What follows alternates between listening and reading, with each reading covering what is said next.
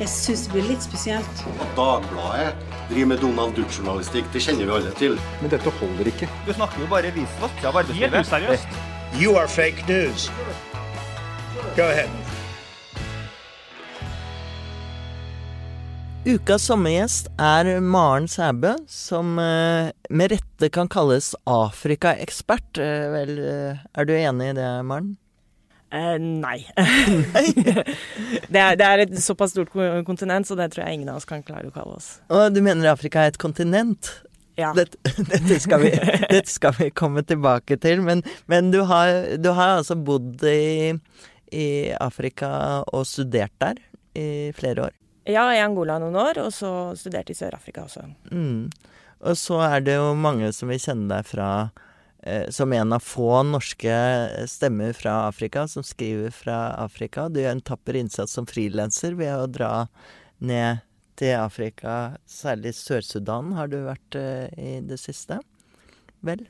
Ja, eller området rundt. Så Ja. har ikke jeg vært i Sør-Sudan siden jeg ble evakuert på en dramatisk måte i 2016. Men uh...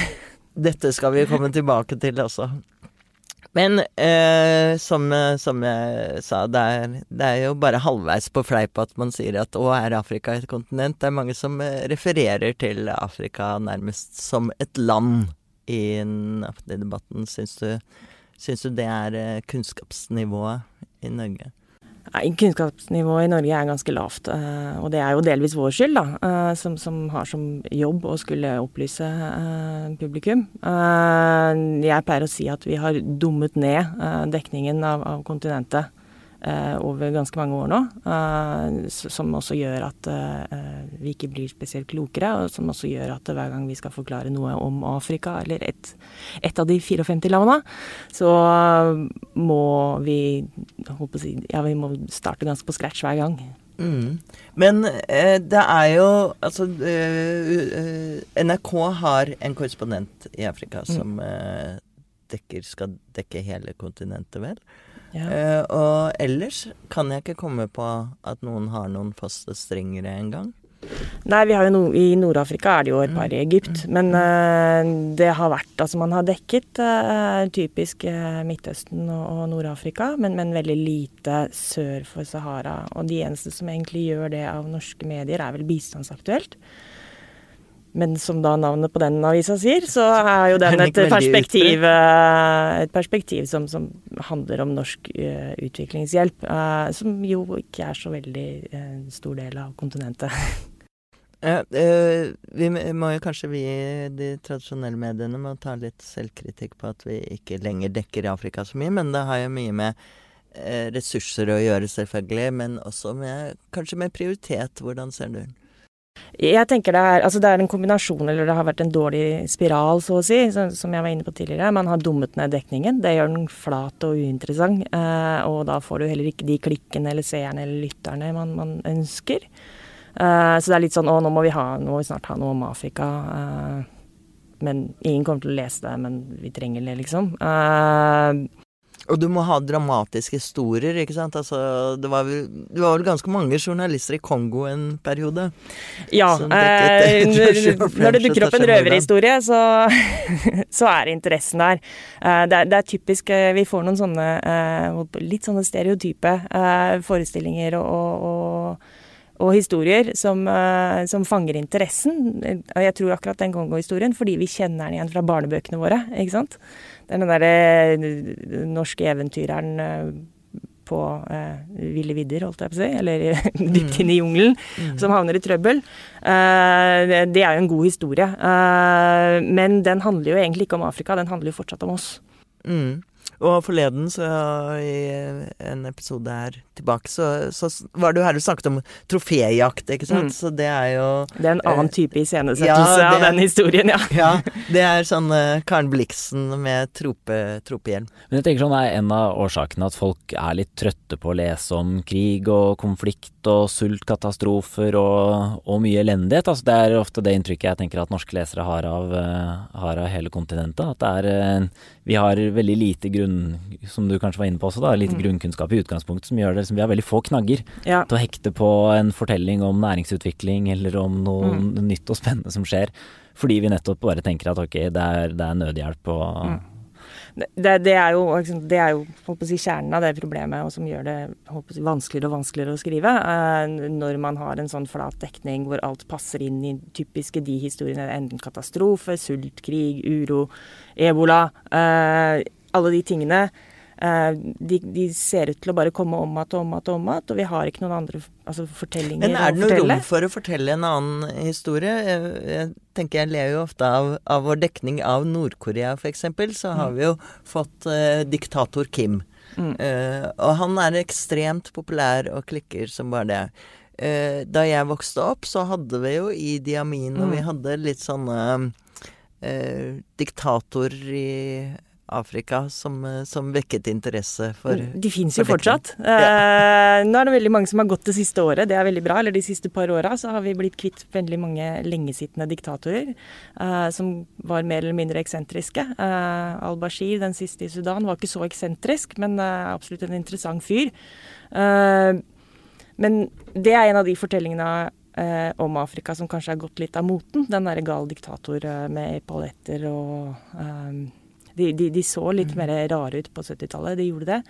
Uh, men men jeg tenker, Må ja. dette spektakulære til, eller er det rom for andre historier? Det virker litt sånn innimellom. Så, så altså Ved siden av da disse her fullstendig katastrofefortellingene, så har vi disse her eh, veldig eksotiske diktatorfortellingene. Eh, så har vi den, som sagt, igjen den røverhistorien med den nordmannen i trøbbel i jungelen. Altså, det jeg pleier å si, er at eh, Afrika har jo alle de historiene som alle de andre kontinentene har. Den har politikken, den har økonomien, og, og, det vi skal gjøre da som journalister, er selvfølgelig å dekke Afrika som om vi dekket USA eller Europa eller Asia. Altså kvitta oss med en del av de der forestillingene og de vante historiene, så ville nok også stoffet blitt mye mer interessant.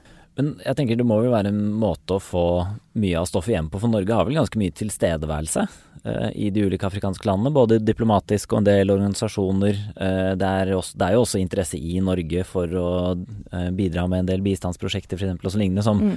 at noe av det må være mulig å hente hjem, tenker jeg. Ja, altså Tradisjonelt så har vi liksom hatt misjonærer og, og bistandsarbeidere. Eh, I langt større grad de siste ti årene så har vi jo hatt næringslivet. Eh, veldig tungt til stede i Vest-Afrika f.eks. Eh, olje. Stor historie i, i Afrika. Eh, Equinor har jo en veldig stor operasjon i, i Angola. Eh, vi har hatt et økende antall studenter, sånn som jeg også da var rundt årtusenskiftet. Altså jeg var jo ikke den eneste norske studenten i Sør-Afrika akkurat. Vi, var, vi har vært noen tusen. Uh, som betyr at uh, i den norske befolkningen så er det jo en hel masse folk som har et forhold til kontinentet, og også flere afrikanere etter hvert i Norge. Uh, men dette ser liksom ikke ut til å ha gått opp for mediene. Uh, og så er det vel eh, det poenget du var inne på, at, eh, at det er en del av disse uh, diktatorene som er forsvunnet, heldigvis, mm. uh, etter hvert. Og man får en voksende demokratisk, mer mm. demokratisk utvikling, og en bedre økonomisk utvikling, som jo Europa og Norge bør være interessert i å følge med på, tenker jeg. Ja, da blir jo ikke dekningen like eksotisk. Da må man gjøre sånn som man gjør i USA eller Europa. Man må begynne å dekke demokratiske prosesser og byråkratiske prosesser. Og, uh, det, det, krever jo litt mer av, av oss som journalister enn en de rene katastrofe- eller de eksotiske diktatorhistoriene. En, en uh, dramatisk historie. Du har jo, som jeg var inne på, eh, dekket Sør-Sudan og mm. utviklingen der.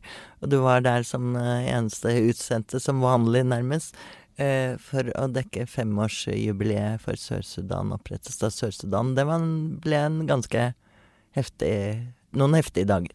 Ja, da brøyt det jo helt sammen. Og, og, eh, jeg er jo, ikke sant det, Jeg er ikke så veldig flink til å, å dekke de vanlige historiene sjøl. Jeg går ofte til krig. Eh, det er på en måte geriljabevegelser som er min liksom, store uh, interesse, uh, kan man si det. Uh, og det var jo et varslet sammenbrudd. Det var jo derfor jeg var der, for å se på den femårsmarkeringen. men når det skjedde, så er det jo selvfølgelig mye mer altså brutalt og dramatisk enn det man kan forestille seg.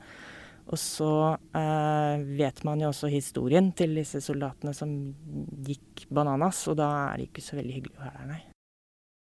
Og da da fikk du vel mange oppdrag fra norsk presse, da, om å skrive for dem? Ja, de ringte jo et sett, og jeg snakka jo med dem eh, lenge og vel, men jeg fikk jo ikke noe oppdrag. Et stort økonomisk underskudd. De ble rett og slett behandlet som en kilde. Ja. Eh, det var Altså, det, jeg tenker jo ikke på det i den situasjonen. Når du sitter der og det på en måte smeller rundt øra på deg, så, så går ikke jeg i en forhandlingsposisjon som, som frilanser. Det skulle jeg kanskje gjort. Jeg fikk dekka telefonregninga mi etterpå av flere norske medier. Eh, men eh, jeg fikk ikke solgt noe, nei. Men dette tenker du er eh, litt symptomatisk da egentlig på norsk dekning? At vi vil kanskje Ja. ha stoff og er interessert, men eh, betalingsviljen er, eh, er Ja, ikke altså, jeg er jo uh, Dette er min andre podkast denne uka. Uh, og jeg, jeg løper jo ofte i studio på Marienlyst, men jeg får ikke betalt for det. så, så jeg brukes mye som kilde, uh, men jeg brukes mye mindre som frilanser. Eh, så takk til Fritt Ord. Nettopp. Det er fritt ord-journalisten, skal vi begynne å kalle det. Men, eh, men eh, NRK har jo en særlig ansvar, eh, tenker jeg, som allmennkringkaster, og Mm. de får eh, veldig mye penger for å dekke brett og informere og skape kunnskap. Syns du at de eh, har en bra Afrikadekning? Hvordan Nei. Jeg syns de, de ikke har en tilstedeværelse i det hele tatt. Det er vanskelig å si akkurat hvor problemet ligger, men jeg vet at problemet bl.a. ligger i at de ikke er så interessert i å finne disse historiene. Eh, jeg tror ikke det ligger så veldig mye på korrespondenten. Jeg tror det ligger mer på, på, på eh, lavt kunnskapsnivå om Afrika i den redaksjonen som sitter i Oslo. Riktig, så oppdraget blir, eh, blir feil. Også. men samtidig så Ja. har du jo sånne, Ja, sånne av korrespondenter, legendariske Ja. korrespondenter som Tom Christiansen, som Mm. fremdeles jo underholder i, holdt på å si, i NRK med podkaster, faktisk, om Afrika. Ja, og han slåss jo fortsatt for Afrikadekningen internt i NRK, det vet jeg. Eh, men eh, jeg tror Altså man har igjen, da, fordi vi har hatt denne spiralen, så har også en del kunnskap om kontinentet forsvunnet ut av redaksjonene. De er borte fra nyhetsdeskene, og da ser man heller ikke de historiene. Man ser ikke hva som skjer, og man klarer ikke å følge med når det eh, skjer noe dramatisk, sånn som nå i Sudan. Eh, og da klarer man heller ikke å få det på, rett og slett. Men når du reiser rundt i Afrika, du har jo selvfølgelig spesialisert deg på enkelte områder, og Mm. geriljavirksomhet det høres ut som et eh, Høres ut som et tøft område å satse, satse på. Litt eh, langt unna stortingskantina, Ola. Men, eh, men hva slags kunnskap er det som kreves? Hvordan, eh, hvordan er det vanskelig å jobbe der? Eh, ja, altså det er ikke som å jobbe i Europa eller Norge. Det er ikke sånn at du bare kan ta opp en telefon og, og snakke med en Mm. toppolitiker, eller altså Man må bruke Det er mye legwork. Det er mye Mm. red tape, som vi kaller det. Altså visumprosesser. Det å få tak i pressevisum i en del land er helt umulig. Eh, så det, det går en del på erfaring, og man skal ha reist en del på kontinentet for å kunne klare å, å jobbe. Eh, men si, min styrke er jo da, som du sa, jeg er veldig interessert i grilløyelser. Jeg har studert dem i flere år. eh, noe som selvfølgelig gjør det enklere å dekke dette som journalist. Eh, det er på en måte Det høres også farlig ut. Eh, Er det Jeg tenker vanligvis så har man eh, Når vi reiser ut for Dagbladet, det er ikke så ofte vi gjør lenger eh, heller, men så er det jo veldig mange sikkerhetsforanstaltninger, og det er det er ikke så rent sjelden at vi faktisk har fått nei pga. sikkerhetshensyn. Mens du er jo da alene. Jeg er frilanser, så jeg- Du er jo alene og kan gjøre som du vil, men eh, hva slags sikkerhetsforanstaltninger tar du? Eh, litt for få. eh, viser vel kanskje erfaringen fra Sør-Sudan. Eh, men Nei, altså som veldig mye annet i Afrika, så høres liksom det å være geriljahistoriker ut som altså, Det høres veldig mye mer eksotisk ut enn det er. Det er jo snakk om å, å gjøre mye research i store byer. Eh, Det er snakk om å snakke med mange flyktninger, f.eks. Uh, håper å si de som er på the receiving end. Eh, så, så det er ikke sånn at jeg liksom trekker i dagevis gjennom jungelen uh, med en geriljagruppe. Det er jo sånn at jeg som regel sitter på en kafé i en hovedstad. Så uh, du får lov til å ta ja, den eksotiske paraplydrinken av og til, altså. Ja, den får jeg lov til å ta. Uh, bare ikke hele tiden, kanskje. Men, men eh, du lever jo til eh, daglig når du er her hjemme i Norge, også på et eksotisk og farlig sted, skal Mm. man tro noen, uh, i selveste Groruddalen. Mm. Langt Den- unna bunadsgeriljaen, da. Ja, ja. Eh, Ja, det er sant. Det er Ja. sant, men de kommer nok, kommer nok Ja, men vi har ikke lokalsykehus, vi heller. Ja, ja, men dere er Groruddalen der. Men uh, for å skape en slags lenke der, så føler du av og til at, eh, at det er mange som uh, synser mye om Groruddalen, og at Mm. den ikke dekkes så godt. Og der er du også en slags sånn uh, Ja, kanskje vi skal kalle deg en geriljakriger på vegne av Groruddalen. Jeg vil heller si at jeg er en slags innfødt. Mm. Jeg har jo vokst opp, og, familien min har også vokst opp. Eh, vi er liksom tredje generasjon i samme blokkleilighet. Eh, så, så det går an å være fra Groruddalen, fortsatt bo der. Og, og igjen, eh, det er mye mindre eksotisk enn det det høres ut som. Eh, og det burde være noe norsk presse har råd til, altså en T-banebillett opp eh, Nå er vi på Hasle, det er fire minutter unna. Eh, så Hva var det du kalte Hasle for noe? Asle. Det er Groruddalens ass. Ja, vi sier ikke imot. eh, Nei, så, så rett og slett eh, når det gjelder Groruddalen også, vi bør løse billett på T-banen til Groruddalen, Ola. Og så bør vi vel også helst sette oss på et fly til Afrika. Eh, Alexandra Bevfjord, eh, hørte, hørte du det?